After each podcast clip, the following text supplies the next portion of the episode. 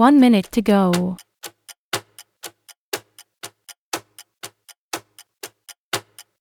MacBooks, checked.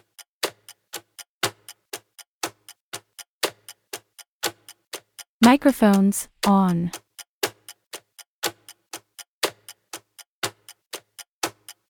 Headphones, set.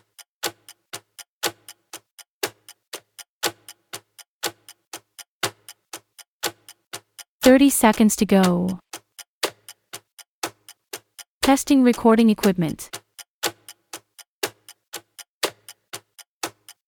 20 seconds to go. Recording software is running.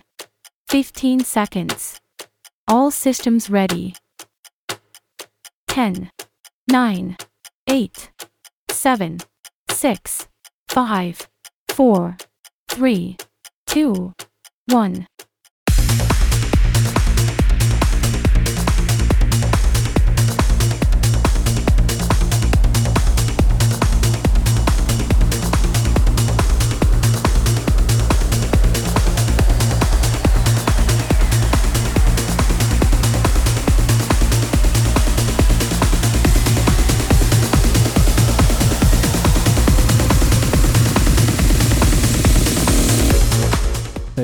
kívánok, sok szeretettel köszönjük a Kanada Banda Podcast 66. epizódjának hallgatóit. A stúdióban Lázadóval, Latorra még várni kell, mert éppen csapott szerel a konyhában. Mondanám, hogy itt vannak régről ismert vendégeink, de őket először csak a 65. epizódban a Fehér Ló lánya címűben hallhattátok.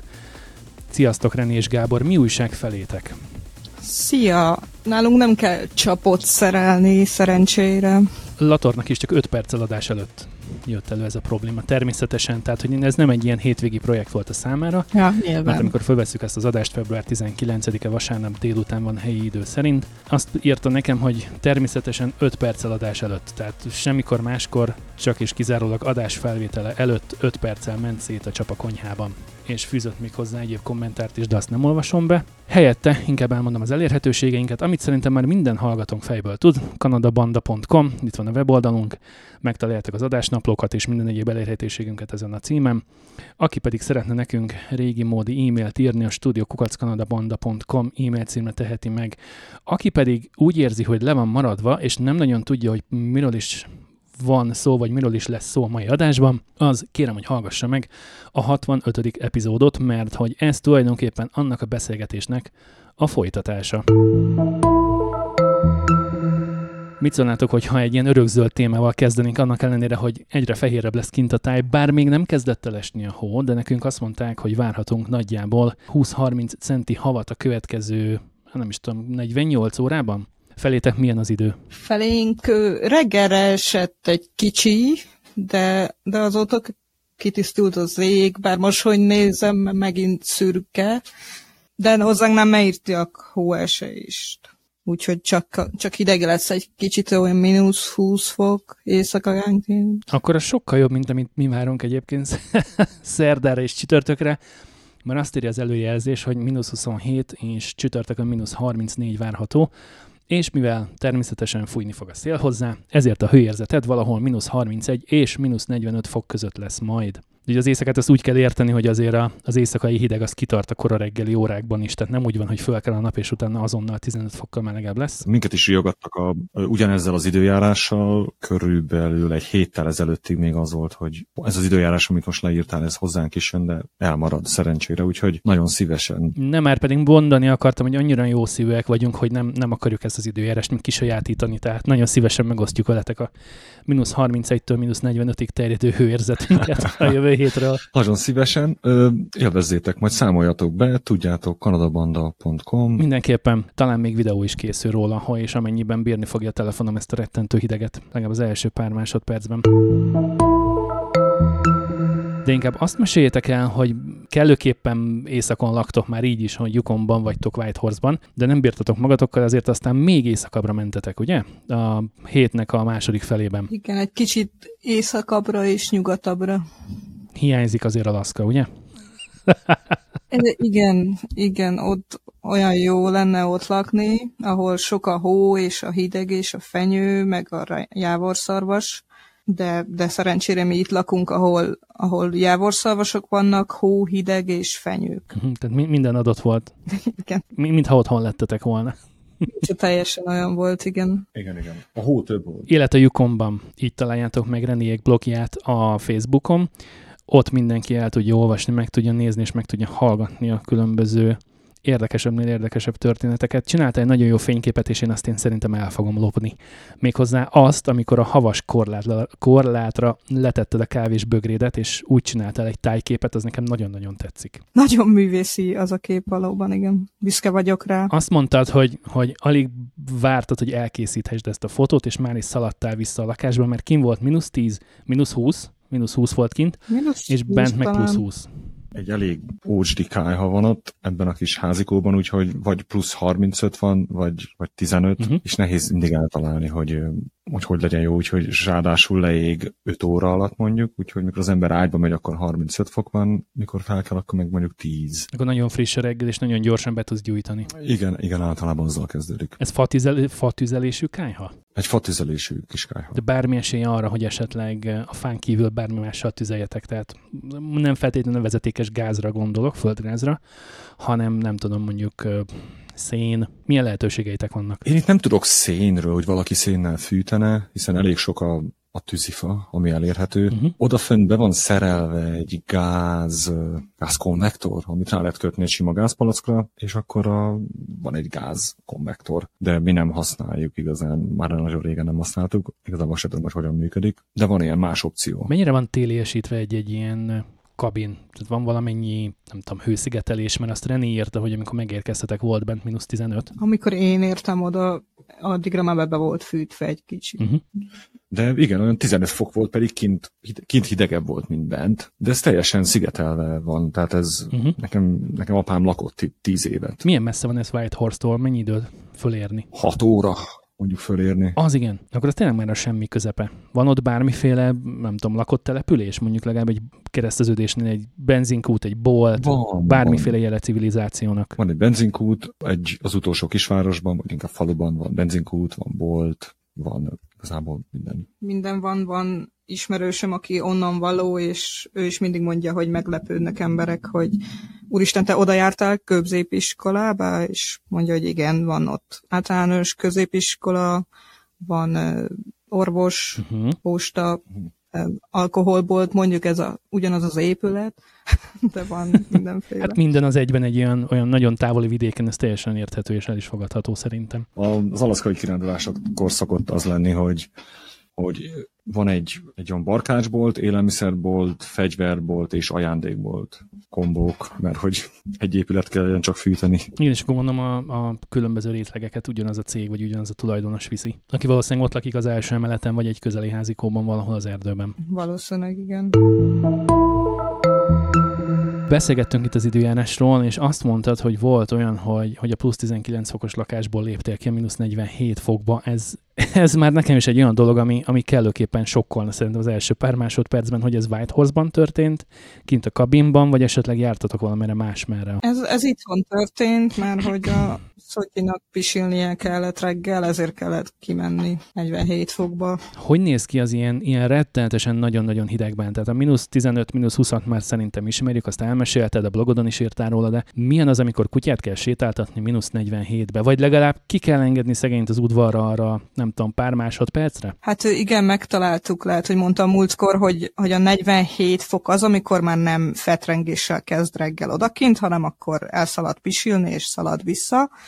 És kutyát sétáltatni úgy sétáltatunk, hogy nem sétáltatunk, mert amíg én ugye föl tudok venni egy sí maszkot, hogy védjem az arcomat a hidegtől, rá nem nagyon tudok húzni semmit, úgyhogy nem szoktam őt ki engedni a hidegbe, vagy kizavarni annyira nagyon hidegbe. Picit fáradtnak érzem a hangod. Picit az, és furcsa, hogy visszhangzom magamat, azért állok meg néha, hogy mi történik. Igen, a felvételek első alkalmával, amikor mi is elkezdtük csinálni a podcastot már több mint öt éve, vagy öt és fél éve. Nagyon furcsa volt, hogy, hogy van egy füles a fejeden, ahol visszahallod magad. Minél kisebb késleltetéssel, annál jobb a technika, amit használsz, és, és ehhez idő kell, hogy hozzászokj. Úgyhogy ne, ne, ne akadj fel, ne lepődj meg, ez mindenki így van vele. Ja, aztán a következő lépés, amikor elkezded vágni az adást, és akkor visszahallod a saját hangodat, és hogy ez nem olyan, amit megszoktam. Tehát, hogy visszahallani magad egy felvételről teljesen más hangszint jelent, mint amikor, amikor beszéd közben visszahallod magad. Igen, ezt pont ezt mondtuk, hogy elkezdtük meghallgatni az előző adást, aztán addig jutottunk, hogy szia, Reni vagyok, sziasztok, Gábor vagyok, és elkezdtünk kuncogni, mint tinédzser kislányok, és abba hagytuk. Nem sikerült még meghallgatni, de Gábor anyuka, anyukája azt mondta, hogy jó volt. Akkor jó volt. Anyukáknak és anyósoknak igazuk van. Igen. Mindig, majdnem. És nem részt Abszolút nem, abszolút semmi elfogultság. Szóval úgy érzem, hogy kicsit fáradt a hangod. Ez betudható annak, hogy a hétköznapok mellett ti a hétvégét is részben vagy majdnem teljes egészében munkával töltitek? Be, betudható. Igen, ö, elég sokat dolgozunk, nem igazán vannak hétvégéink, és én, vagy hát van egy szabad napunk, most csináltunk egy pár hónapra a szabad vasárnapot, amikor én elmegyek kutyaiskolába bohóckodni, és akkor az se igazán szabadna. Értem, és akkor erre az időre Moody otthon marad, vagy, vagy ő viszel téged tulajdonképpen kutyaiskolába? Öh, mikor, hogy ma itthon marad? A Szotyi, bocsánat. Ő, teljesen mindegy. Itt igen, mindenki azt hiszi, hogy Moody a neve, mert a Szotyit senki nem bírja kimondani, úgyhogy marad a Moody. Angol nyelvterületen ez a dupla mással hangzók, ezek hogy vannak? Hogy, hogyan szokták? Soti? Szocsi. Általában a, a téli olimpia idején rengetegszer kérdezték, hogy ó, mint az olimpia? E, nem Egyáltalán nem. Szoti szokott még néni. Uh-huh. Egy néni szokta mondani, hogy Szochi. Azt nem tudom, hogy jött, de... Ez honnan jött? Én nem tudom. Először azt hittem, hogy fuldoklik, de mindig úgy mondja, úgyhogy kiderült, hogy ő úgy gondolja, hogy így kell mondani. Nagyon aranyos. Minden más helyettesítenek. Van Szoti, Szopi, Szoki, Szocsi. Ja. Hát az első pár hang stimmeljen szerintem az a lényeg. Ez a kellőképpen magas óraszámú heti elfoglaltság, ez egy ilyen kényszerűen vállalt dolog, vagy az abszolút, abszolút önkéntes, és, és ez, ez még most így menni fog nálatok egy jó darabig? Hát ez is is, mert ö, ugye általában sokszor építőiparban senki nem akkor van kész, amikorra mondja, uh-huh. már vannak bizonyos építők, akik tudjuk, hogy rá két hetet kell számolni, rá két évet, meg ilyesmi, és általában ugye mindig mindenki egyszerre van kész, és minden, mindenki tegnapra akar mindent, úgyhogy mi meg, mi meg nem szeretünk, hogyha várnak ránk, vagy, vagy miattunk késik valami, uh-huh. úgyhogy sokszor van, hogy heteket dolgozunk egymás után. Viszont ez, ez azért működik nekünk, mert mi meg szeretünk egyben sok időt kivenni. Tehát inkább, hogyha nem hétvégézünk, de mondjuk egybe kiveszünk hat hetet, és akkor elmegyünk valahova. Uh-huh. Ilyen szempontból viszont, viszont működik. És erre milyen időközönként van lehetőségetek? Évente egyszer, vagy évente kétszer mondjuk? Vagy attól függ, hogy éppen melyik év mennyire foglalt? Hű, hát hogyha tervezzük, akkor évente, évente többször. Tehát amikor, amikor hazamegyünk, akkor, akkor egy hónap, hat hét általában az időtartam, mert szeret, szeretünk otthon időt tölteni, de hogyha valahol elmegyünk kirándulni, és kell hosszabb idő, akkor ki tudjuk venni a szinte bármennyi időt, csak sokszor attól függ, igen, ahogy a, mondja, a munkát hogyan szervezik, előttünk emberek hogyan szervezik, az építő, az előző szakmák hogyan vannak, hogyan kész, és akkor ez, ezek alapján próbáljuk összerakni a, az időrendet, de annak mindig örülünk, hogyha több időnk van egyben. Nektek milyen tapasztalatotok van, mert nekem meglehetősen rossz már, ami visz felremlik gyermekkoromból, amikor még drága szüleim építkeztek, hogy egymás után következnek és jelennek meg ugye a különböző területeknek szakemberei egy épülőháznál, és lehetőség szerint ugye a, a később érkező mindig azt szidja, aki előtte ott dolgozott. Tehát a, a, a festő a kőművest, a villanyszerelő szintén a kőművest, vagy, vagy éppen a festő szidja még egy kicsit a kőművest, és akkor a vízvezetékszerelő meg mindenkit. Aha. Nálatok ez, ez, ez hogyan néz ki? Van ilyenre példa, hogy, hogy panasz-panasz hátán, vagy vagy mindenki igyekszik magából a legjobbat kihozni, és mivel alapvetően jelentős különbség van az építkezés módjában, ugye Kanadában itt fából építünk szinte mindent, egy-két kivételtől eltekintve. Magyarországon meg ugye egy jó nagy beton alapzatra jön a különböző béléstest, tégla és itongfalazó elem, és stb. stb. Ez pontosan ugyanúgy működik itt is. A, az emberek szeretik mindig az előző szakmát igen, igen szídni és felelősét tenni a bizonyos hibákért. és ennek vannak ugye szintjei, hogy ki milyen helyet foglal el a saját szakmájában, mióta dolgozik benne, mennyi rálátása van, meg mit tanul el az előzőktől. Viszont mi próbáljuk ezt úgy kialakítani, hogy olyan emberekkel dolgoztatunk magunk előtt, vagy olyan emberek dolgoznak utánunk, akik ismerik a mi munkánkat, mi ismerjük az, az övéket, és egy kicsi elvárás van tőlünk hogy ők próbáljanak odafigyelni, hogyha van egy, tehát mondjuk valamilyen rosszabb az ő előttük lévő folyamat, akkor azon próbálj kicsit javítani, hogy azon én is tudjak javítani, hogy majd az utánam következő is, is, is jó munkát kapjon, és akkor egy ilyen összedolgozás lánc van, tehát uh-huh. sokszor szerencsére már nem kell csak úgy bárki után dolgozni. Ezt akartam kérdezni, hogy akkor van egyfajta párbeszéd a különböző szakterületek között, hogy hát én örülnék neki, és gyorsabban végeznénk, és hamarabb mindenki pénzénél lenne, hogyha... Leginkább igen, igen, ez kommunikáció függő, ugye mivel sokszor, sokszor az emberek gyengék, úgy vagy, vagy nem akarnak, vagy hát attól mit tanulnak meg, vagy milyen mintát. Sokszor hát az építőiparban dolgozó emberek fölveszik 18-20 évesen a szokást, és akkor megy, a, megy a, az előző szakmáknak a, a szapulása, uh-huh. de sokszor szerintem csak megszokás, meg annyi nem kommunikálnak. És akkor el, eldöntik, hogy ők ellenségek, mert ők biztos nekünk akarnak rosszat, holott nem, csak lehet, hogy nem tudja, mert többféleképpen lehet egy szakmát csinálni. Mi van, hogyha valaki nem tudom, hogyan teszi fel a téglát, a másik a máson teszi fel a téglát, és akkor mind a kettő jó, csak én máshogyan szoktam meg. Nem akarom ezt a szót használni, hogy belterjes, de ugye azt már megbeszéltük az előző adásban, a 65-ben, hogy meglehetősen alacsony a lakosságszám Whitehorse-ban, hogy tehát olyan, olyan túl sok opció nincs, gondolom városon belül, hogy ki az, aki építőiparral foglalkozik, és hogy melyik cégnek dolgoztak, vagy melyik céggel szerződtök le munkákra. Mennyire könnyű vagy nehéz a dolgotok, hogyha esetleg, nem tudom, nem azt mondom, hogy reklamálni szeretnétek, de hogyha szeretnétek mondjuk egy, egy komolyabb változást elérni. Minden szakmából van elég tisztességes számú vállalkozó, uh-huh. úgyhogy mindig van, van esély. Az én esetem egyszerű, mint mondjuk egy építői. Tehát, hogyha nem vagytok valakivel megelégedve, akkor elképzelhető, hogy vele nem dolgoztok többet, és akkor ez egy ilyen határozott el, kijelentés, el, hogy el, köszi szépen, akkor el, ez ennyi volt, és akkor legközelebb folytatom valaki mással. Elképzelhető, igen. Van elég ember. Néha mondjuk az a gond, hogy hiába változt, ugyanazt az eredményt fogod kapni. Tehát azért én próbálok úgy kialakítani a, egy, egy üzletmenetet, hogy, hogy az előttem lévő, az enyém, meg az utánam lévő is nagyjából egy láz legyen és ismerjék egymást, mint az előbb mondtam. Uh-huh. De van rá lehetőség, van olyan ismerősöm, aki, aki épít folyamatosan, nyilván neki 6-8 szakmával kell valahogy közös nevezőre jutni, plusz papírmunkával, na és ő sokat panaszkodik, hogy hogyha valaki nem jelenik meg, vagy nem úgy csinálja, vagy nem lesz jó, akkor őt elküldeni, fölveszi a másikat, az se lesz annyira jó, tehát hogy tehát egy, néha van értelme váltani, néha viszont sajnos le kell azt nyelni, hogy ha sokáig tart, vagy rosszabb lesz a munka. És, és, és lehet, hogy nem is a, a, a munkások és a cégeknek a számossága miatt, hanem, hanem csak a minőségük miatt. Soknak ugyanaz lesz a minőség, és hiába változ. Nem tudom, hogy mennyire emlékeztek, vagy milyen, milyen emlékeitek vannak a különböző munkatapasztalataitok alapján Magyarországról, hogy itt Kanadában mennyire veszik komolyan a különböző um, hivatalos ügyintézést, tehát akár a szerződéskötést, akár az elszámolást, akár a fizetéseket, tehát lehet ezt ilyen, ilyen semmi gond, haver, majd megoldjuk okosba.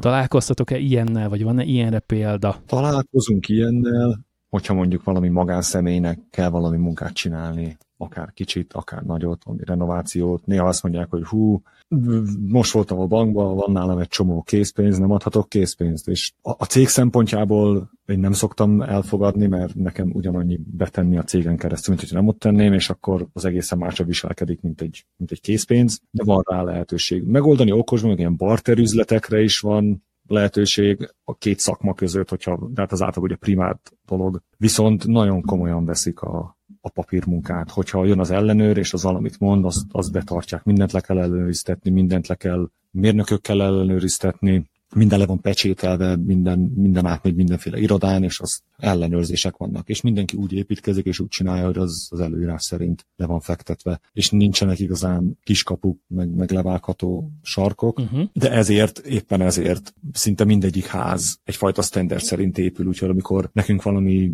miatt be kell mennünk egy fölépült házba, és mondjuk, nem tudom, renoválni kell, ki kell bontani a falat, akkor szinte elég biztos lesz benne, hogy hogyan van az összerakva, de már az 50-es évek óta szinte ugyanolyan standard standard alapján építik a, a struktúráját a háznak. Igaz, változik, hogy most vastagabb a fal, vagy több szigetelés van benne, vagy, vagy épp vagy modernebb a, a kábel, de az, az alapötlet az, az nagyjából ugyanaz lesz, ami, ami szerintem egy nagy előny.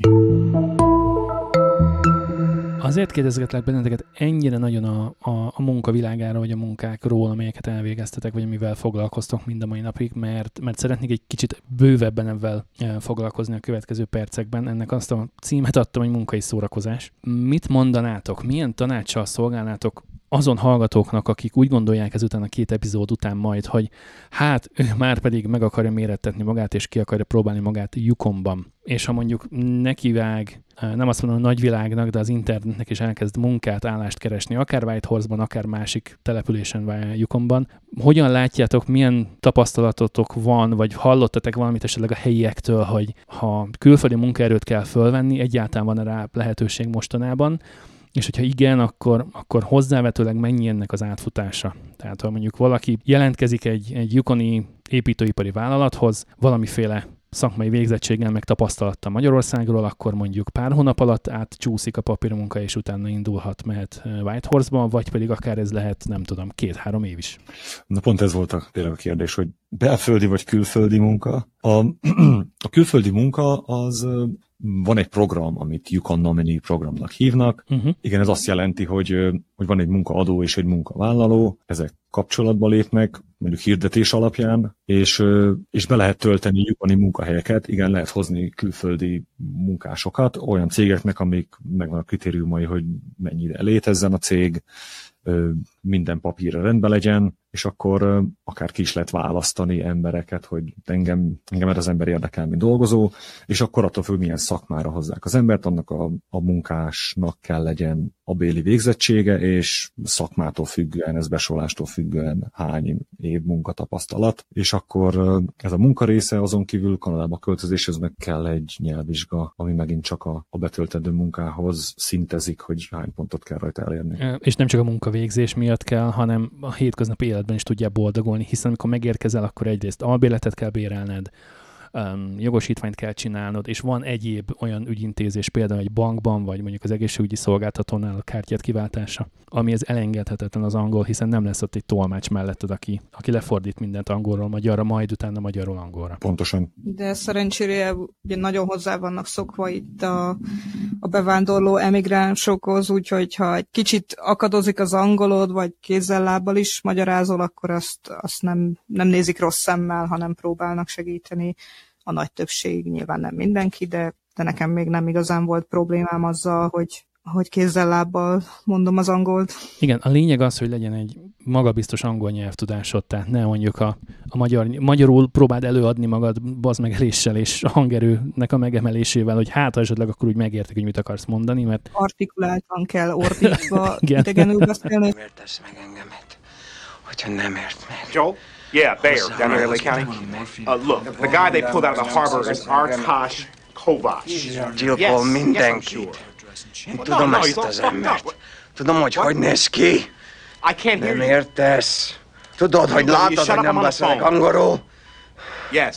Hallgass rám! Well, no, no, not Láttam az arcát neki. Send me someone who can speak Hungarian. Nem hoztak be embert itt, mindjárt yeah, he's awake. He's talking like a Thai hooker. Láttam a Kaiser szözét. Nem értesz? What? Kaiser Söze! Kaiser Söze! Láttam a Kaiser Söze! Csak a, a munkavállaláshoz, hogyha tényleg valaki most úgy gondolja, hogy ide szeretne jönni, az nagyon fontos. Mert kedvet csináltatok hozzá ti, igen. Igen. Um, Rögtön hárítom a felelősséget, hogy igen, minden a vagyok, igen. Hogy hogy nagyon fontos, hogy, hogy utána nézzenek, hogy legyen szállásuk, mert most itt eléggé nehéz szállást, házat, lakást találni. Többször látom a, a Facebook különböző csoportokban, hogy ó, kaptam állást, költözök oda jövő héten, kellene egy lakás, és mindenki csak nevet, mert hogy sok sikert, hogy nincsen igazán hely, ahol lehetne lakni. Információitok szerint, ha van ilyen információtok, melyek azok a szakterületek, vagy milyen szakemberek azok, akiket preferálnak ott lyukon Londonban? Ki az, akit, akit leginkább keresnek külföldről? Jelenleg szerintem mindenkit.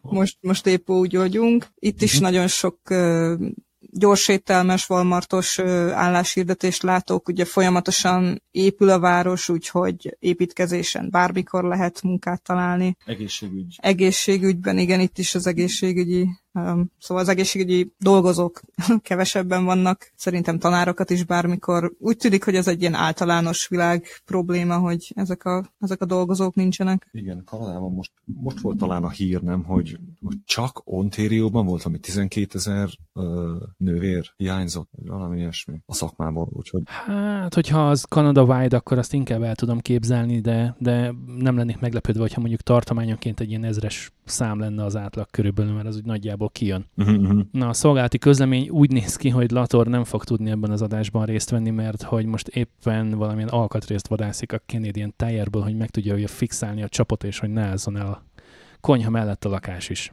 Akkor hát sok sikert kívánok neki innen is. majd, majd átadom neki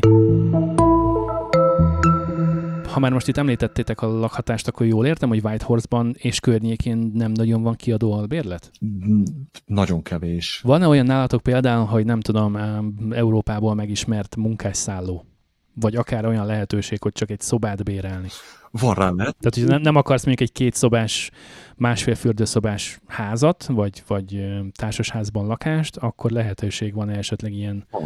Bérelnek, adnak ki szobákat, adnak ki egészen pici lakásokat, e, a, hogyha mondjuk van valakinek egy, egy háza, és van egy kis garázs, amit át tud alakítani lakhatásra, szinte minden támogat most már a Yukon, úgyhogy bármilyen átalakítást támogat, amiből lak, lakóteret lehet csinálni. Szinte a, szerintem a legkisebb unit az egy, az egy szoba, amihez valahol van egy konyha. Szerintem munkás szálló, az mondjuk lehet, hogy van, egy, van egy nagyobb cég, ami mondjuk hoz egyszerre valahány munkást, de szerintem a Yukon az nem elég nagy ahhoz, de el tudja helyezni általában. Az, aki, az, aki embert hozat, az próbálja elhelyezni. Szerintem ez egy kritérium is, hogy neki kell talán uh-huh. lakhatást találni, de sokszor jönnek emberek, ki önmaguktól gondolják, hogy jó, megnézzük, mi van a lyukomban, ide jönnek, és hát nincs, nincs lakhatás, várólisták vannak, és hát persze attól függ, hogy az ember mit akar van az egy szobától a két szobáig, a külön lakásig, a külön házig, a, a nem tudom én, a farmot lehet bérelni. Igen, szerintem. van nagyon sok, csak kint ilyen off-grid cabinnek mondják, amikor Aha. ugye se víz, se áram, semmi, csak egy faépület az erdő közepén, és akkor sokan azt bérilik. Nyilván kevesebbé, mint egy, mint egy bevezetékezett házad, de, de az is előfordul. De akkor az lesz az az épület, ahova tartályautó viszi majd a, a fürdővizet. Mert ugye nincsen vezetékes víz a városban. Igen. Ha van rá.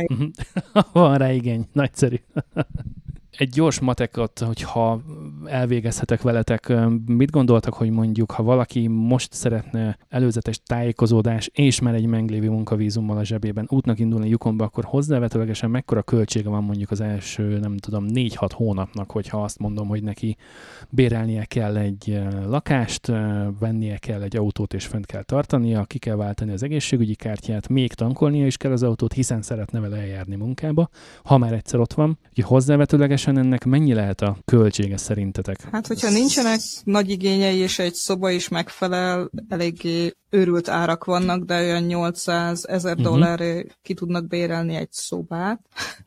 Egy hónapra, igen. Akkor mondjuk az 6 hónapra az 6000 dollár eddig. Fizetni kell még ugye a rezsit, kéne enni is valamit, az autó is szomjas lesz. Igen, én, én azt gondolnám, hogy egy hónapnak mondjuk a, mondjuk a költsége ja, étellel, autóval, benzinnel, rezsivel. Mondjuk számoljuk bele azt, hogy ő a civilizációban maradt, tehát fizet villanyszámlát, vízszámlát, kell neki fűteni is, mert nálatok sokáig tart a hideg. Csincsi, beszélj pillanatig, én összeadom ezeket a számokat. Szuper.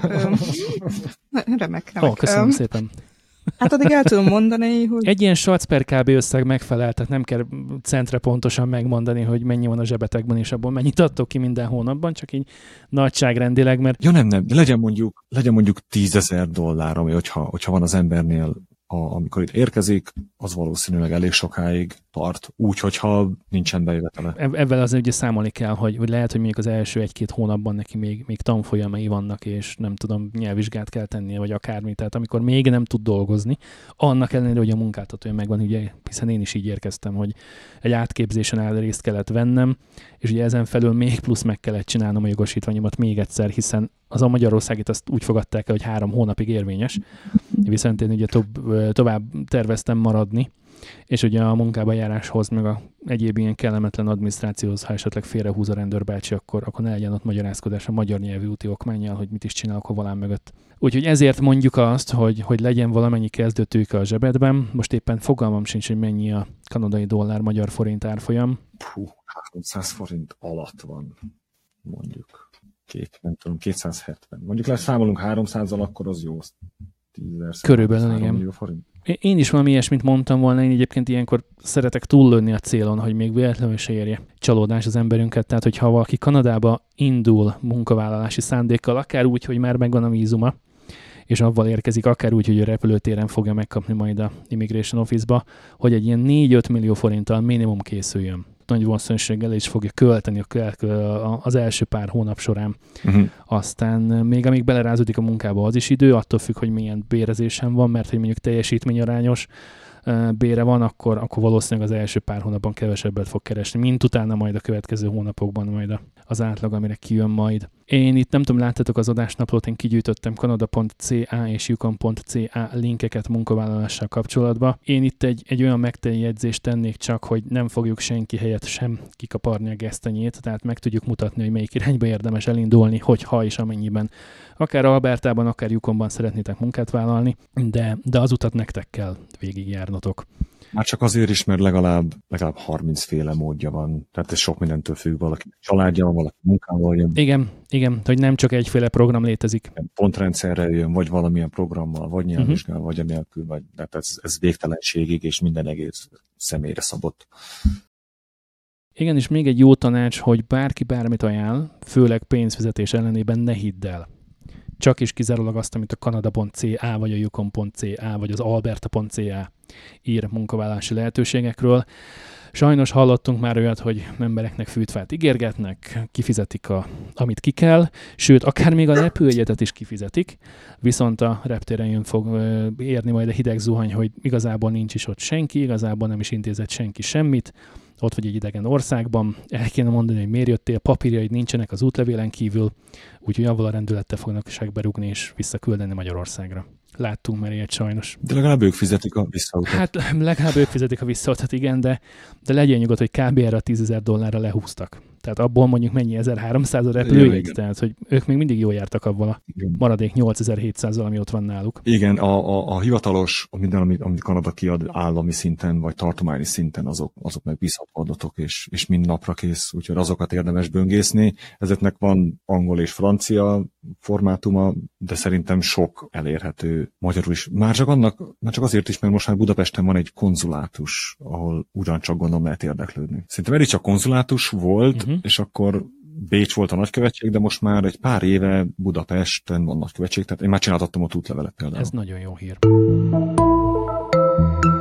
És akkor ugye a munka után a szórakozás, amiből ti is kiveszitek a részleteket, ugye a nyaralás, illetve telelés Yukonban. Két szlogenje van Yukonnak, az egyik a, a Different World Up Here és a Larger Than Life és én azt értem, hogy ennek van egy mögöttes, meg egy második tulajdonsága is, tehát hogy egyszerűen végtelen az a, az a mennyiségű erdő és az a, az a gyönyörű szép hegyvidék, ami ott van fönt, de ugyanakkor ez rejthet veszélyeket is, és ha mondjuk valaki Magyarországról vagy Európából érkezik, akkor ezt igazából föl sem tudja talán mérni, hogy, hogy mennyire a semmi közepén tudtok lenni mindenféle civilizációtól nagyon-nagyon távol, és hogyha valaki mondjuk felelőtlen, vagy esetleg bajba keveredik, vagy baleset éri, akkor, akkor nagyon-nagyon nagy rizikót vesz a nyakába, és elég kevés az esély arra, hogy onnan, onnan éppen egészségesen, akár élve is kikerülhet. Szinte, mintha Alaszkában élnénk. Igen. Igen, szoktak ilyen rémtörténetek lenni, talán tavaly is volt, valaki följött ide motoros szánozni. Mert hogy mennyire jó poén lesz majd csapatni ott az erdőbe a havas tájban. Igen, és, és 20 percre a várostól megfagyott, mert nem tudta, hogy hol van, nem tudta, hogy merre megy. Eltűnt persze, elkezdték keresni, de, de későn találták meg. Tehát, hogy itt nem úgy van, én szok szoktam néha kuncogni, mikor Magyarországon eltévednek az erdőbe, és hogy tehát ott van térerő szinte mindenhol, meg elindulsz egy irányba, előbb-utóbb lesz egy település. Itt nem.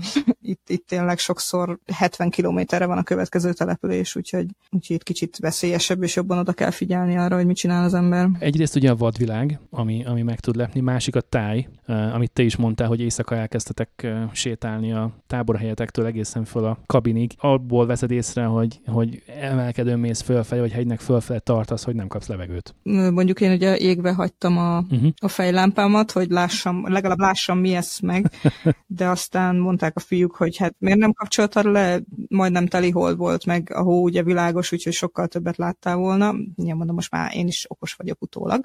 De... Köszi fiúk, legközelebb így lesz. nem, bocs, nem sötét, nem sötétedett be annyira. Nem sötétedett be annyira.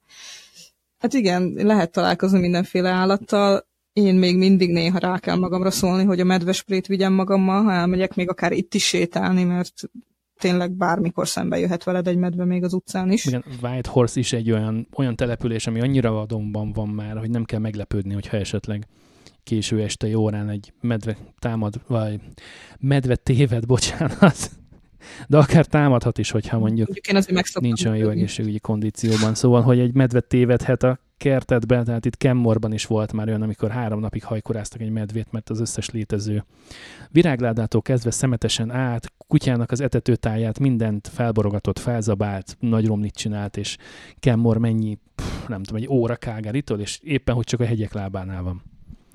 Igen, de nagyon furcsa, hogy a fekete medvék például egészen Arizonáig honosak, úgyhogy szinte független attól, uh-huh. hogy mhm. van-e hegy vagy nincs.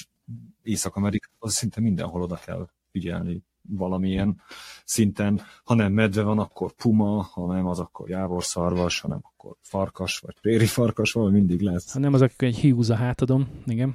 Igen, szerintem a hiúz, én nem tudom, hogy a hiúz az bántja az embert, de hogy most már látnak ugye Pumát például. És... Ő sokkal sunyibb különben. Igen, és ő, és ő simán ráugrik különben a, a kisebb testű kutyákra, vagy akár a két-három éves gyerekekre is azt szokták mondani, hogy őt babakocsiban, vagy fönt anyakadban de hogy, hogy ne hagyd a gyereket kóricálni az erdőben. De még itt nálunk Fiskrékben sem, ami egyébként bent van a városban. Mm. Egy patak folyik keresztül a városon, annak van egy zöld övezete mind a két oldalán, és oda is beszoktak tévedni akár pumák, akár hiúzok, és, és akkor el szokták mondani, hogy a kisgyerekekre, kisebb termetű kutyákra azért figyeljenek, vagy inkább ki sem menjenek abba a pár napba, mert ugye a vadőrök azok beszokták gyűjteni az ilyen állatokat, de amíg ez nincs meg, addig, addig nem érdemes kockáztatni. Van-e bármiféle, nem tudom, jó tanácsotok hátizsákos, toppos világutazóknak, vagy aki csak kirándulni megy Yukonba? Mivel készüljön télen, mivel készüljön nyáron? Egyáltalán érdemes egyedül azt mondani, hogy jaj, hagyjad már, majd azt én jobban tudom, és akkor elindulok egyedül a vadonba, vagy jobb esetleg egy utazási irodával, vagy egy turisztikai hivatallal szóba állni, és tőlük valaki, valaki helyét bérelni, aki megmutatja, hogy mi merre mennyi. Mielőtt baj lenne. Hát ez ugye attól, attól függ, hogy ki mit szeretne. Itt a helyiek, ugye itt nőttek föl, ezzel nőttek föl, ők pontosan tudják, hogy, hogy milyen vadállatok vannak itt, úgyhogy ők, ők vidámabban és mhm. bátrabban mennek az erdőbe. Szoktunk nyaranta rengeteg biciklist látni az út szélén, hogy csak tekernek a semmi közepén. Tavaly volt is egy olyan, hogy, hogy mentek a biciklisek, elhagytuk őket, és egy száz méterre megjött szembe egy grizzly, úgyhogy akkor ott, ott egy kicsit lelassítottunk, aztán, aztán megvártuk, még elmegy a mackó, amíg odaérnek a biciklisek, úgyhogy, úgyhogy bármikor, bárhol találkozhatsz tényleg vadállattal. Ugye azt mondják, hogy hogy több medve lát embert, mint mm. ember medvét, tehát hogy ők nem akarnak veled igazán semmit csinálni, mert fura is megy, meg büdös is vagy, meg meg se tudnak enni igazán, úgyhogy, úgyhogy nem kell rettegni, de, de tudni kell azt, hogy, hogy itt vannak igenis ilyen állatok, úgyhogy jó, ha van az embernél bear ami végül is egy ilyen nagyon-nagyon erős borspré talán, paprikaspré, amit meg kell tanulni, hogy hogyan gázspré, meg kell tanulni, hogyan kell használni. Fontos az, hogy, hogy zajt csináljál, amikor mész, tehát ne, ne kommandózzal az erdőben, hanem csináljál zajt, énekeljél valamiért, én mindig a micimackót éneklem, mikor sétálunk az erdőben, hogy, hogy tudják, hogy te jössz, mert általában akkor... Ők megadják a kórust a hátad Kibukkannak, hogy... Mi vagyunk! Vagyis hát a Mici. Igen. Szóljatok neki. Szóljunk, szóljunk. Szóval, hogy általában akkor támadnak a vadállatok, hogyha megijeszted őket, hogyha, hogyha éppen vacsorázik, és te egyszer csak beállsz a háta mögé, megkoszogtatod a vállát, annak nem fog örülni. Viszont kirándulóknak, hogy, hogyha mondjuk megint csak attól függ ki, milyen temperamentumú, szerintem egyedül is el lehet indulni, és föl lehet fedezni. Nyilván kellő nyelvtudás azért, azért hasznos, de de arra föl kell készülni nyilván, hogyha most valaki stoppol, tegyük fel, hát az, az lehet, hogy utána, nem tudom én, 6-7-800 kilométerekre veszi fel valaki, tehát hogy lehet, hogy egy hosszú és unalmas út lesz, vagy hosszú és jó út lesz. Nagyok a távolságok a települések között, hogyha valaki valahol kitesz, semmi garancia, hogy akkor nem kell valahol tültsed az estét, és még nyáron is ugye hűs lehet, úgyhogy megfelelő felszerelés. Igen, és hát kint a vadonban a semmi közepén tényleg úgy, hogy életedben nem jártál még arra, nem biztos, hogy, hogy felütnéd a sártradat, és, és ott töltenéd az éjszakát. Hogyha úgy vagy fölkészülhetem van sátrad, akkor hát azt, azt... Uh-huh. Igen, az például nagy segítség az éjszakai sátorozás, az egy sátrat magaddal vinni. Igen, igen, az nagy segítség. Hogyha csak nem csak településtől településig tervezed, de a megfelelő ruházat, a megfelelő felszerelés, hogy, és, és olyan felszerelés, mondjuk olyan étel, ami, ami könnyű, de sok energia van benne, benne. Ahogy úgy felkészülni, mint hogy mint amikor az ember elmegy túrázni. Legyen nálad kellő mennyiségű ivóvíz. Ha véletlenül eltévednék ott Yukonban, és mondjuk látok egy kis patakot csörgedezni valahol, és pont kifagyott a kulacsomból az utolsó cseppvíz, akkor bátran ihatok ezekből a vadvizekből? Szerintem igen. Attól függ mennyit. Nyilván mondják, hogy lehet benne fertőzés, meg baktérium, meg mindenféle, de szerintem, hogyha élet-halál... Végül is csak belepiselnek a mókusok, tehát hogy annyira azért csak nem tiszta. meg a halak. De Beaver Fevernek hívják, igen, hogy hasmenés, hányásos hasmenéses fertőzést okozhat. Tehát, hogyha élet-halál helyzet van, akkor így áll belőle a bármiből. Mármint itt a lyukomban. Oké. Okay. És akár Alaszkában is. Ja, ja, igen. Csak hogy voltak sztorik, amikor valaki elment, nem tudom én, melyik arizonai, vagy hol volt, egy, egy ilyen, volt egy a zebra kanyon talán, tele volt vízzel, és az egyik szomjas volt, vagy hát mind szomjasak voltak, az egyik azt mondta, ó, ebből nem iszok, mert ebben olyan csúnya állatok laknak, a másik emberi volt belőle, azt a kívott, az belehalt. Ó, oh, az annyira nem volt vidám történet. De hát azok ilyen nagyon meleg posat levek. Nyilván az ebben az árok mellől eső, összegyűlt posat áll a esővízből, de szerintem talál, talál nedvességet a lyukomba. Um, ezt a sztorit már ha ismerik a hallgatók, mert már meséltem, hogy egyszer Jasperen jöttem keresztül, BC-ből mentem Edmontonba, és volt előttem egy turista busz az úton, amelyik egyik pillanatra a másikra félrehúzott, és az emberek az ajtókat feltépve rohantak át az út másik oldalára természetesen, úgyhogy majdnem elütöttem közülük párat, mert ezt szétnézni nem lehet. Ugyanis szerettek volna egy szelfit lőni egy medvebocsal, és én ott csóváltam a fejemet, hogy nem. Gyerekek, ez nem jó ötlet. Egy medve van, nem szállunk ki. Se a buszból, se az autóból hanem leengedjük az ablakot, és akkor, vagy akár ablaküvegen keresztül fotózunk, de főleg, ha egy fiatal medve vagy medve bocs van ott, ami kicsike, és tök cuki, nagyon aranyos, meg minden, de nem megyünk oda hozzá. Tehát lehet, hogy mi tizen vagyunk, de anyun nagy, erős és rettenetesen dühös. Igen, és nem cuki ő egyáltalán. Volt nekünk is egy ilyen ismerősünk, aki kiszállt az autóba, és ment a fekete medve után. Kiszállt, hogy... nem engedő, hogy kiszálljon. De kiszállt. kiszállt kiszállt, hogy gyere vissza, mert le kell, hogy fényképezzek. Meg csak ott ültünk, hogy úristen, nem áll. Először én egy ilyen hamis biztonságérzetben voltam, hogy áh, van nálunk medvespray, mi, mi baj lehet a leg... Figyelj, végső esetben előveszem és leszprézem vele, azt kész. Csak ugye aztán elolvasod a használt útmutatót, hogy mondjuk széllel szemben használni nem jó, mert nem csak a medve szemét csípi, hanem a tiedet is, de rettentően és hogy nagyjából ilyen karnyújtási távolságból érdemes vele ezt használni. Na most nem tudom, hogy nem találkoztam még olyan emberrel, aki ezt, ezt megtette élőben, hogy ott állt egy 600 kilós medve előtt, amelyik mondjuk üvöltött, vagy morgott, és akkor egy ilyen lépés távolságból ő, ő arcon tette ezzel a sprayvel. Nem tudom, tehát hogy, hogy lehet, hogy előbb tojnám össze magam, és rohannék fejvesztve, ahogy csak tudok, vagy gurolnék le a domboldalon, de hogy, hogy nem feltétlen biztos tudnék ott maradni, megállni két lábomon, és rendeltetésszerűen használni ezt a sprayt, az egészen biztos. Igen, az, az mindig érdekes, amikor ezt elmondják, ugye, hogy jön a medve, ha látod, hogy támad, akkor legyél nagy és félelmetes, de ha csak kíváncsi, akkor beszélj hozzá nyugodtan, de hogy, de hogy én azt honnan tudjam, hát én itt sikítok, úgyhogy...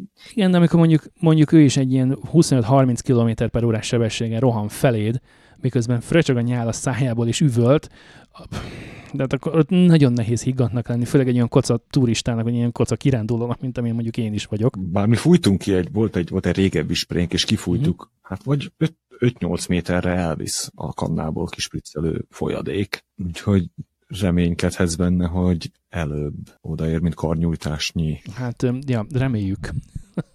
nem szeretném kipróbálni. De, de hogyha van fegyverviselési engedélyed, akkor az erdőben érdemes ugye fegyvert vinni, olyan fajta fegyvert, ami mondjuk önvédelmi uh-huh. fegyver. Például egy, egy, egy shotgun, ami, amiben ilyen egy darab nagy lövedéket raksz, és az általában megállít bármilyen állatot. Nyilván, hogyha a stressz helyzetben, meg a félelemben rá tudod fogni, és föl tudod húzni, és lövöldözni tudsz. Mi mondjuk nem vagyunk vadászok, úgyhogy nem voltam még ilyen helyzetben, remélem nem is kell. De azért ne elriasztva mindenkit, tehát nagyon-nagyon ritka, hogy az ember medvét lát, főleg az, hogy a, a medve valakit megtámadjon az én nem is tudom, biztos ritkább, mint hogy ötös lottót nyernek az emberek. És más ragadozók meg inkább éjszaka vannak kint az erdőben, és akkor te meg ne akarj kint lenni az erdőben, én azt mondom, hogy próbáld a kirándulást a nappali órákra leszabályozni. És a, és a helyiek azok pedig úgy járják az erdőt, meg a, a hegyeket. Reni nagyot kuncog, igen. Hogy... Látom ám. hogy ők éjjel-nappal mennek és élvezik, és ó, voltunk kempinget, ó, és itt lekajakoztunk, és itt végmentünk, és egy magam végúztam ezen a, ezen a folyórendszeren, hát láttam egy medvét, de hát Azért az jelentősen más sem, amikor, amikor egészen kisgyerekkorodtól kezdve 10-20-30 évig ilyen környéken nősz föl, mint amikor csak úgy hirtelen becsöppensz oda, mert, mert ott akarsz eltölteni mondjuk két-három hetet a nyáron. Nyilván ez olyan lehet, mint amikor mi hallunk a, nem tudom, a, a tarantulákról, vagy a fekete özvegyekről, vagy a skorpiókról, nem tudom én, Arizona vagy Ausztráliába. Tehát, hogyha ezeket a sztorik alapján ítélnénk be, akkor mindenki halott lenne ezeken a helyeken. Legalábbis jelentősen csökkenne a népesség évről évre. Hát, és közben meg el van mindenki. Szerintem elég jó kitárgyaltuk Yukont. Kanyarodjunk rá egy picit a, a magyarokat talán jobban érdeklő témákra. Például, hogy van-e valamiféle magyar klub Yukonban, vagy akár Whitehorse-ban. Azért kérdezem, mert, mert ilyen van Edmontonban, van Calgaryban is, illetve hát minden nagyobb kanadai városban van valamiféle magyar vonatkozású közösségi összejövetel rendszeresen, akár havonta több alkalommal is, hogy nálatok van-e ilyen, vagy hallottatok-e ilyenről, ha nem is látogatjátok? Nincs. Szerintem röviden ennyi, hogy nincs. Nincsen. Hogyha, Értem. hogyha vannak olyan társaságok, akik, akik egymást, ha nem is minden magyar, de hogyha, de hogyha nem tudom én, tehát a társadalmak egymást ismerik, összejönnek. Uh-huh. Olyanban már volt részem egy párszor, főleg, főleg vagy régebben az idősebbek csinálták, vagy pedig újabban, akik azért egykorú emberek, mondjuk akik általában ismerik egymást, ott már csináltunk ilyesmit, de hogy de egy ilyen teljes össznépi, és hogy magyar ház, vagy magyar klub, vagy magyar hétvége, vagy, uh-huh. vagy magyar, én nem tudom én, bármilyen Heritage Day, vagy ilyesmi, az, az, az nincs. Tehát akkor nincsen, hogy mondjuk együtt emlékeztek meg március 15-ről, vagy együtt ünnepeltek augusztus 20-án? Nincs. Mindenkinek külön kell ezt csinálni. Igen. Ö, nincsen. Szerintem ugye Calgaryban is, Edmontonban a nagyobb város városokban valószínűleg ez régi öregek, akik mentek a világháború 56 hat kapcsán, ők csináltak ilyet. Igen, bólogatok hozzá, hogy így van. Itt, itt szerintem nem volt. Nem, lehet, hogy nem voltak annyian magyarok, hogy érdemes legyen csinálni egy külön klubot. Elmentünk Janka nénéhez mind az öten, aztán ott ettünk egy kis francia krémes. Uh-huh. Úgyhogy szerintem ez lehet az egyik oka, hogy nincs ilyen. Igen, kétség kívül mondjuk egy, egy ilyen Montreal, Vancouver, Edmonton, Calgary, tehát ott jóval nagyobb a magyar nyelvű populáció, tehát ott sokkal könnyebb nagyobb tömeget megszólítani, ebből értelemszerűen több embert fog érdekelni, mint mondjuk egy kisebb létszámú csoportból. Igen, kimondottan Kalgariban, ahol, ahol több embert ismerünk, ők többen járnak. A magyar ház van, aki, van, aki színészkedik is, különböző koncertek járnak, kinek mi a, a, a, a választás, a rock, rock zenétől a pop zenéig, már mint magyar előadók, ugye, akik végigjárják Észak-Amerikát, azok rendszerint megállnak mint a Toronto és Vancouver, igen. Jó, időnként elő, el, előbb természetesen talán. igen, csak. Szóval itt Kanadában van egy olyan poén, hogyha egy együttes vagy egy uh, zenész turnézik Kanadában, akkor azt jelenti, hogy van egy fellépés a Torontóban, és van egy második fellépés a Vancouverben, és akkor ebben ki van pipálva a kanadai turné. Tehát, hogy a két, két városban van jelen. Igen, igen. Amikor régen is arról volt szó, hogy a nagy zenekarok, nem tudom, LGT csinált észak-amerikai túrát, az is valószínűleg volt egy Los Angeles, meg egy San Diego, meg nem tudom, egy New York, aztán hazamentek, gondolom. De az is ilyen, tehát nem helyi közönségnek gondolom, hanem, hanem diaszpórának. De igazán nem tudom. A, a, a mostani modernek azok biztos, hogy diaszpórások. Nem hiszem, hogy van olyan magyar előadó, aki megszólítja a kanadai közönséget. Mm, valószínű, hogy nincsen. Elő szokott veletek fordulni, hogy magyar nyelvű podcastot hallgattok a Kanada Banda podcaston kívül természetesen, vagy, vagy akár online magyar nyelvű rádiókat? Mert azt mondtátok, hogy nincsen kábel tévétek, tehát gondolom, hogy azért valami szórakozásra vágytok. Maradtok a kanadainál, vagy azért elő szokott fordulni, hogy kerestek valami magyar nyelvűt? Is, minden, mindenfélét hallgatunk, bár mondjuk én tipikusan azt hallgatom, hogy a lányok, kellemes sorozatgyilkosos, tömeggyilkosos, szektás sorozatgyil, sorozatgyil, szóval podcasteket, de, de előfordul igen magyar is, amit hallgatunk, és hát szórakozás és munka együtt, szerencsére a munkahelyen nagyon sok podcastet tudunk hallgatni, mert már vagyunk annyira rutinosak, hogy ne kelljen odafigyelni pontosan mindenre, hogy mit csinálunk, hanem tudunk hallgatni okosságokat, és akkor, és akkor, akkor csináljuk mindezt. Ja, az azt jelenti, hogy napi, napi 6-8 óra podcastet tudunk hallgatni. Az nagyon jó, és ugye, ha jól tudom, akkor ti ketten dolgoztok, tehát nincsenek körülöttetek mondjuk másik tizen még kanadaiak, akiknek fogalma nem lenne arról, hogy mit is hallgattok ti magyar nyelven. Nincs, de tehát fülhallgatóba vagyunk, ilyen Aha. mindenki hallgatja a sajátját, mert mi ketten hallgatjuk a... Ja, igen, igen, tényleg emlékszem a fényképekre. Jó, akkor ezt is be fogom majd linkelni, mert van erről is fotó, meg ott van a videó is, és akkor, akkor így már értem. De, de régebben én szerettem a, a jó minőségű hangot, úgyhogy amikor mentem dolgozni, én vittem magammal egy, egy rendes akai erősítőt, meg két hangfalat, és nálam szólt a zene. Wow. Hát magyar is, úgyhogy szemben velem dolgoztak, az kénytelen volt magyart hallgatni.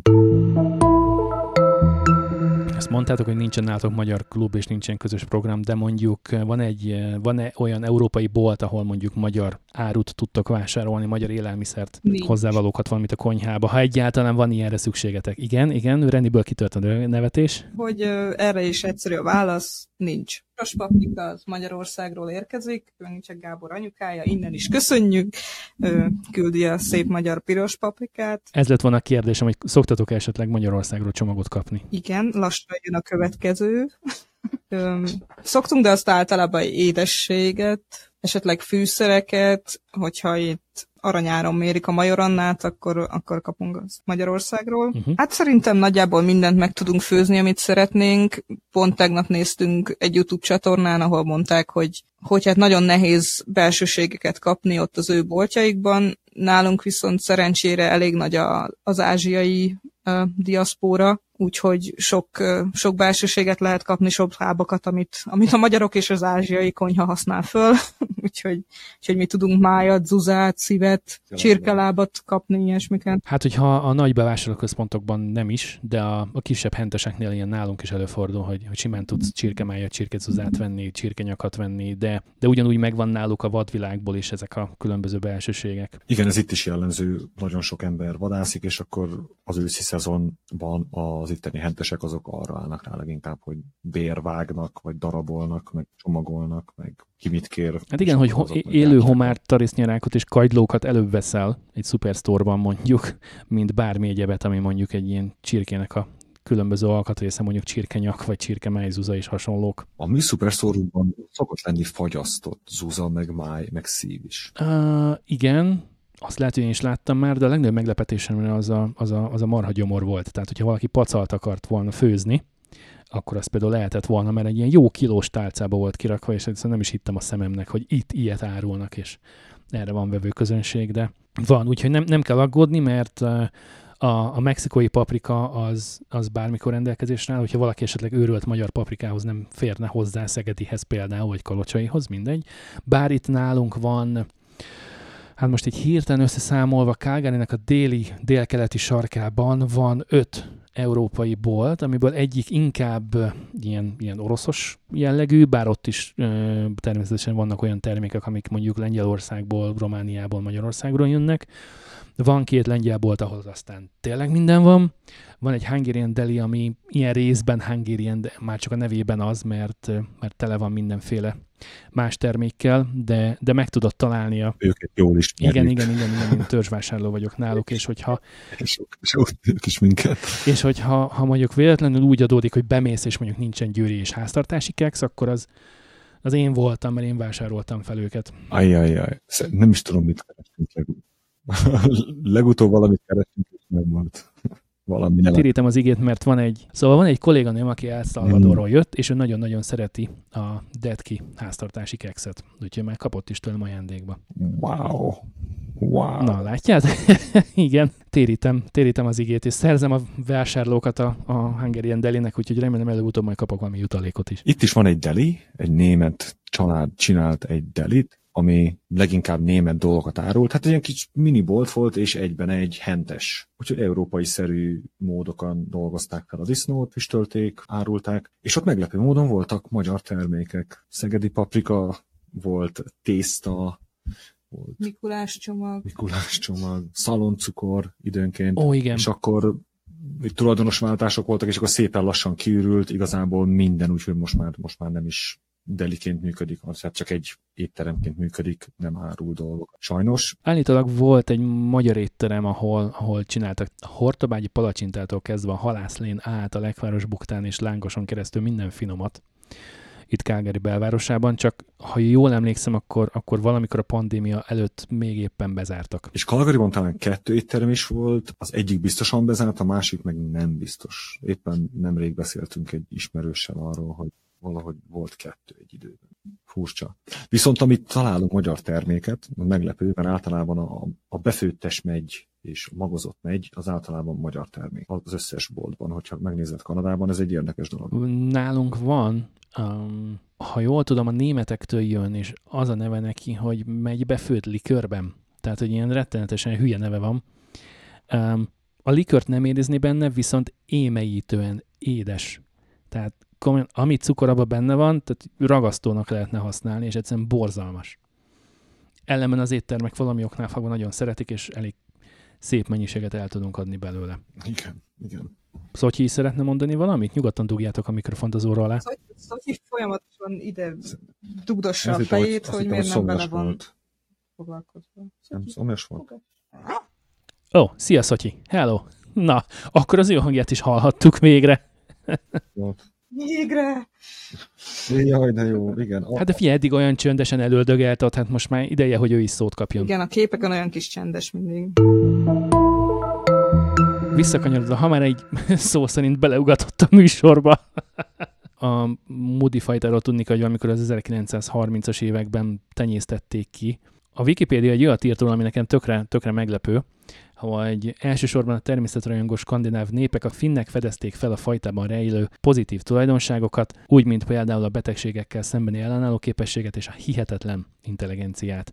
Hogy eh, Szotyinál ti miben fedezitek fel a, a betegségekkel szembeni ellenálló képességet, és, és miben érhető tetten nála a hihetetlen intelligencia? Hát úgy azt úgy lehet észrevenni, hogy egészséges, hogy nem beteg. Aha, igen, ez egy, ez egy nagyon jó jelen, igen. A... Igen. Hát állatorvoshoz eddig azért kellett vinnem, hogy be legyen oltva, uh-huh. Öm, egyszer elvágta a tappancsát eléggé, és talán egyszer volt fülgyulladása a 7 éves karrierje alatt eddig, úgyhogy, úgyhogy eléggé egészséges. Most, hogy már 7 éves és öreg kutya lett, azt mondta az állatorvos, csinálta mindenféle tesztet, de hogy teljesen egészséges, minden úgy mozog, úgy forog, ahogy, ahogy kell neki, úgyhogy... Ez egy jó hír. Úgyhogy igen, jó. Szegény prostatavizsgálaton is túlesett, ott onnan beleugrott az ölembe az asztalról, miután azzal végeztek. Ó, szegény. Úgyhogy ez nem, azt nem szerette. az intelligenciája pedig, hát ő, hát a következő Oscárt neki kéne adni, mert ő remekül olvassa a szobát, ahogy ezt mondják, és, és annak megfelelően viselkedik. Tehát, hogyha az kell, akkor én minden nap egy égő vascsővel verem meg, hogyha az kell, akkor én vagyok a legcsodálatosabb ember a világon. Éppen mi, mit gondol, hogy mi, a, mi szerzi neki a legtöbb tapsot. Akkor jól értem, akkor szeret, szeret színészkedni. Szeret azt... Mo- manipulálni benneteket finoman. Finoman. Engem már annyira nem tud, de, de talán a legjobb példa erre, amikor kicsi volt, négy hónapos, és még otthon voltunk Magyarországon, és adtam neki vacsorát, aztán előadta magát, úgyhogy Gábor anyukája is adott neki vacsorát, aminek az lett a vége, hogy beragadt a kertkapu lécei közé, és így kinyílt vele a kapu, és csak ott lógott szegény a hatalmas pocakjával, mert a két vacsora kigömbölyítette.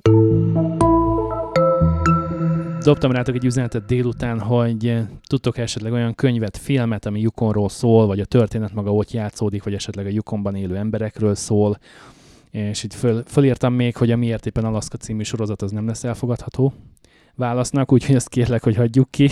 A Kacsemesék 57. része a Vissza Klondike-ba. Ezt tudom ajánlani. Nagyon kedves, köszönjük, ezt meg fogom keresni. Meg fogjuk nézni a gyerekekkel. És a Jack London története még itt játszódnak a Yukonban és Dawsonban, azok, azok népszerűek Magyarországon. A Fehér Agyar, vagy mi?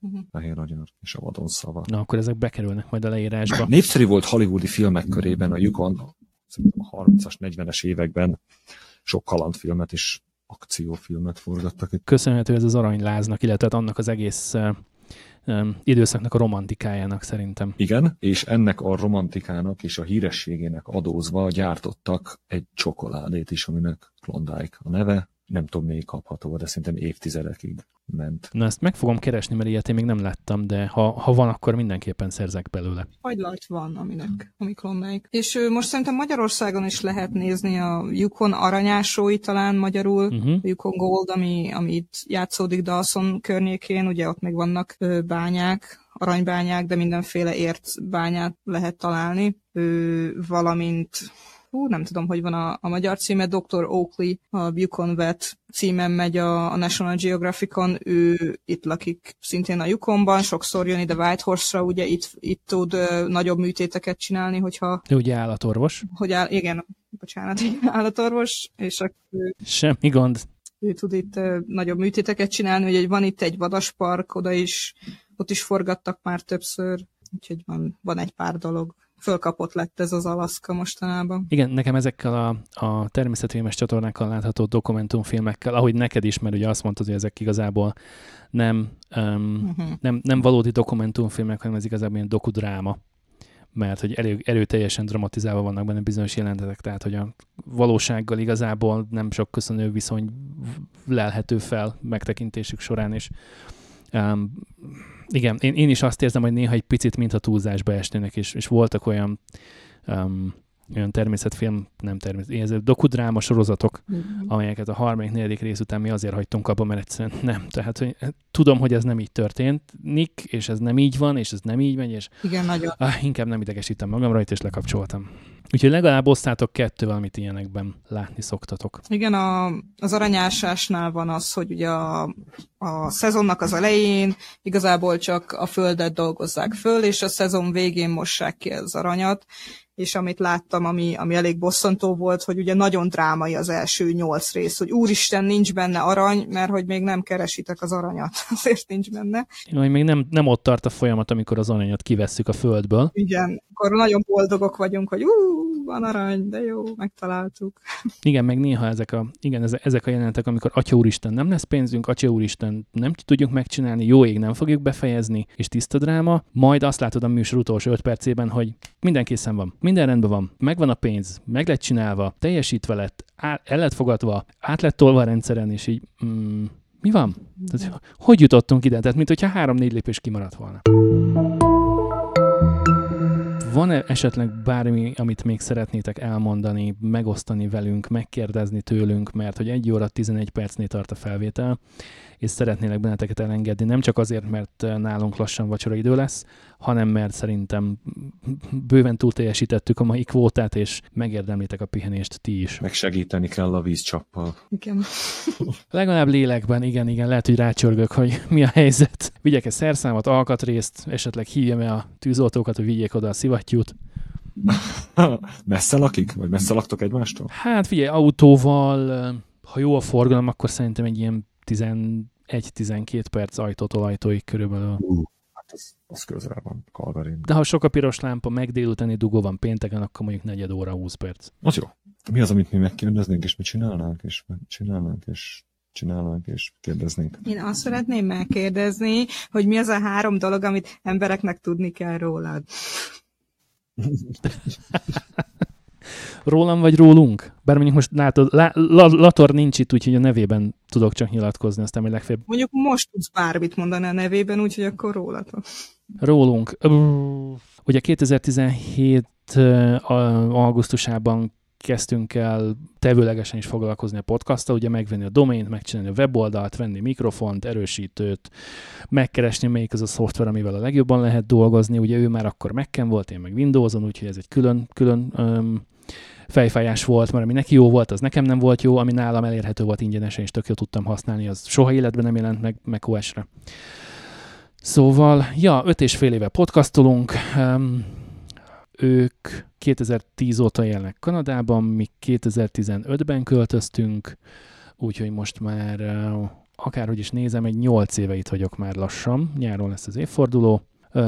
Neki két kisfia van, nekünk három kislányunk, ők még annak idején, mint csak egy pár költöztek ide, aztán később házasodtak össze, és utána jött a két gyerkőc.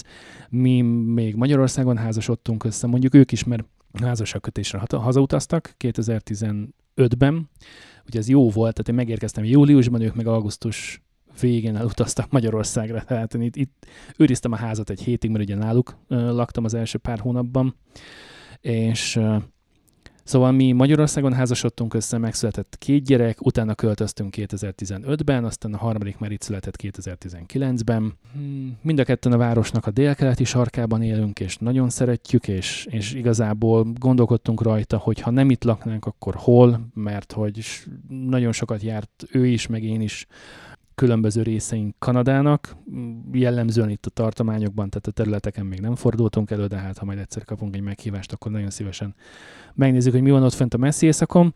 Um, szóval, hogy Toronto, Vancouverbe biztos, hogy nem költöznénk, a Préri szép, meg minden, de onnan marha messze vannak a hegyek.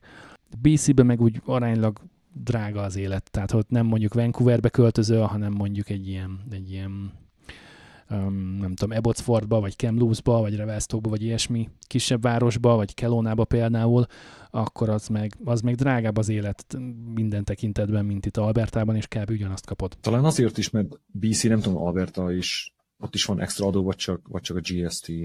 Mi vagyunk Egyedül olyan szerencsések a tartományok közül Alberta, akinek ugyanúgy 5% a GST-je, mint az összes létező területnek ott fönt északon. BC-ben még van egy eh, provincial sales tax, tehát náluk, ha jól tudom, akkor az egyesített adó az 13%. Még nálunk, meg nálatok is csak 5. Uh-huh. Igen, azért az különbség. Ez a legalacsonyabb itt Kanadában, és akkor utána indul, innen indul el fölfel egészen, nem is tudom meddig. Valami majdnem 15% Quebecben azt hiszem. Tehát, hogy náluk a legrosszabb a helyzet.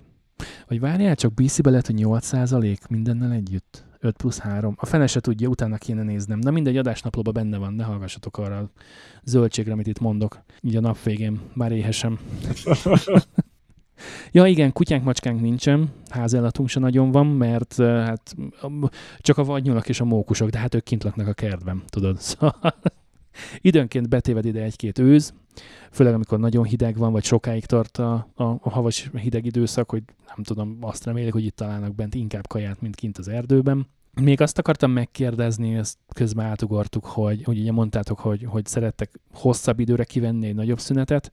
Inkább ti mentek Budapestre látogatóba, vagy, elké, vagy van olyan is, hogy hozzátok érkeznek Magyarországról rokonok, barátok látogatóba, vagy ez, vagy ez ilyen még nem volt? A szülők jöttek látogatni már többször, anyukám már többször, sőt, nevelőapám is többször, de amúgy nem, ide, ide nem jönnek emberek.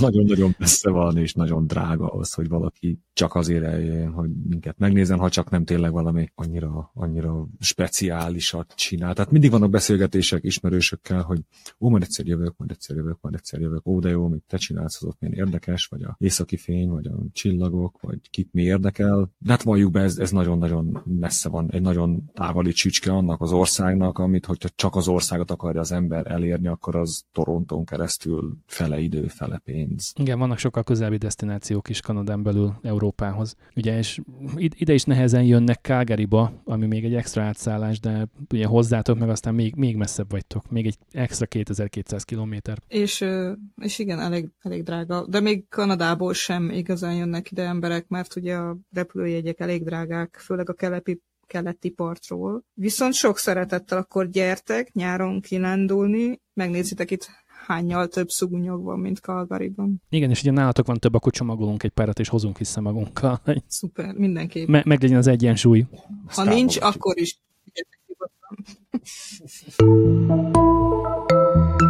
nagyon szépen köszönöm, hogy két alkalommal is a rendelkezésünkre álltatok még ilyen fáradtan így a nap végén is. Nagyon kellemes pihenést kívánok nektek. Köszönjük szépen a hallgatók nevében is, hogy itt voltatok, és, és ennyi mindent elmeséltetek Yukonról, mert szerintem nem volt még olyan televíziós vagy rádióműsor magyar nyelven, amelyik ennyire mélyen belelátott volna Yukonnak a működésébe, a hétköznapi életekbe, és úgy egyébként az egészbe, hogy milyen is ott fönt a messzi éjszakon. Ez nagyon komolyan hangzott. igen, igen, vannak ilyen pillanataim.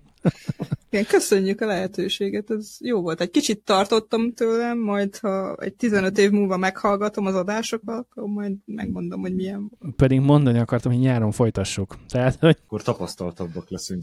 bárhogyan is lesz, hogy mi megyünk föl, ti jöttök le, vagy akár így képernyőn keresztül, de, de a nyáron mindenféleképpen lesz még ennek folytatása, és beszélgetni fogunk akkor is, ha is amennyiben elfogadjátok a meghívást. Mindenképpen, szerintem. Nagyon köszönjük, nagyon jó élmény volt. Igazából nem vagyunk podcastesek, és nem vagyunk tapasztalt sztori, sztorisok és beszélők és mikrofon szokott emberek. Hát most teljesen rutinosok vagyunk. Van mikrofon. De így, hogy másodjára csináljátok, így már, így már nagyon-nagyon rutinosaknak tűntek.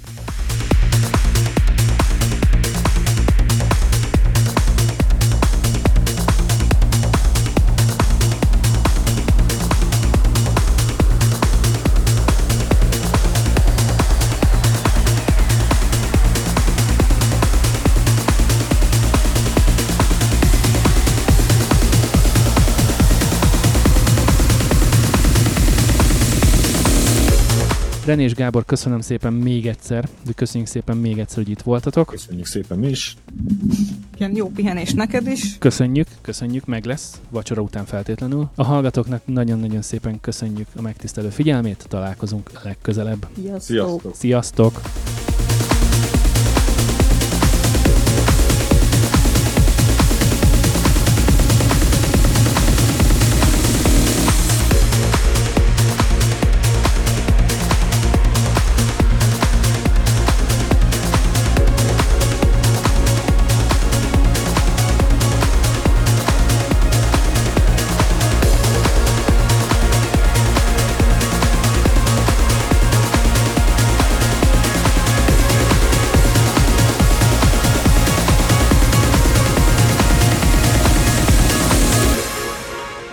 Két érdekességet osztanék meg még annal kapcsolatban. Mint bizonyára tudjátok, Észak-Amerikában nem minden esetben, nem minden államban, nem minden tartományban vagy területen szükséges elől és hátul rendszámtáblát elhelyezni a járműveken. Yukon szintén azok közé a területek közé tartozik, ahol csak hátul kell rendszámtáblát elhelyezni a különböző járműveken, és ez alól nem kivétel a motoros szán sem, mert hogy azokra is kötelező nem csak a jogosítvány, hanem a forgalmi rendszám is. A Yukoni rendszámtábla az egyedüli olyan dizájnnal rendelkező rendszámtábla Észak-Amerikában, amelyen egy ember alak került ábrázolásra. Ezen nem más látható, mint Yukon szem, amint éppen aranyat mos.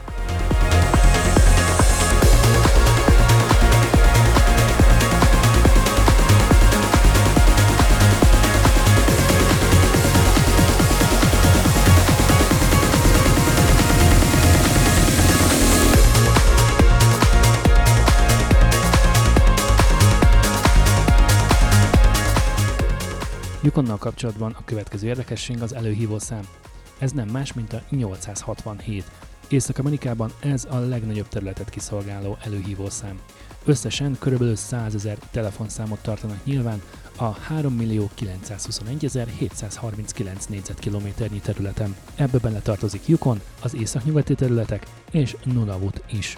A három területen belül a 867-es előhívószám legnagyobb távolsága kelet-nyugat irányban 3173 km, észak-dél irányban pedig 4391 km.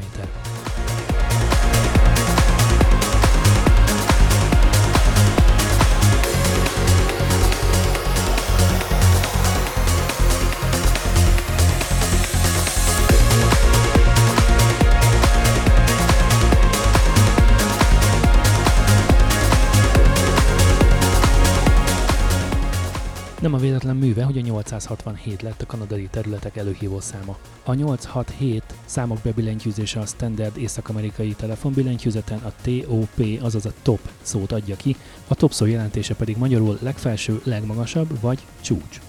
Ha a 867 elé tárcsázzuk az egyest is, ami az észak-amerikai országok úgy, mint az Egyesült Államok vagy Kanada hívószáma a nemzetközi telefonhívások esetén, akkor az 1867-es számot kapjuk, ami nem más, mint a Kanadai Konfederáció megszületésének évszáma.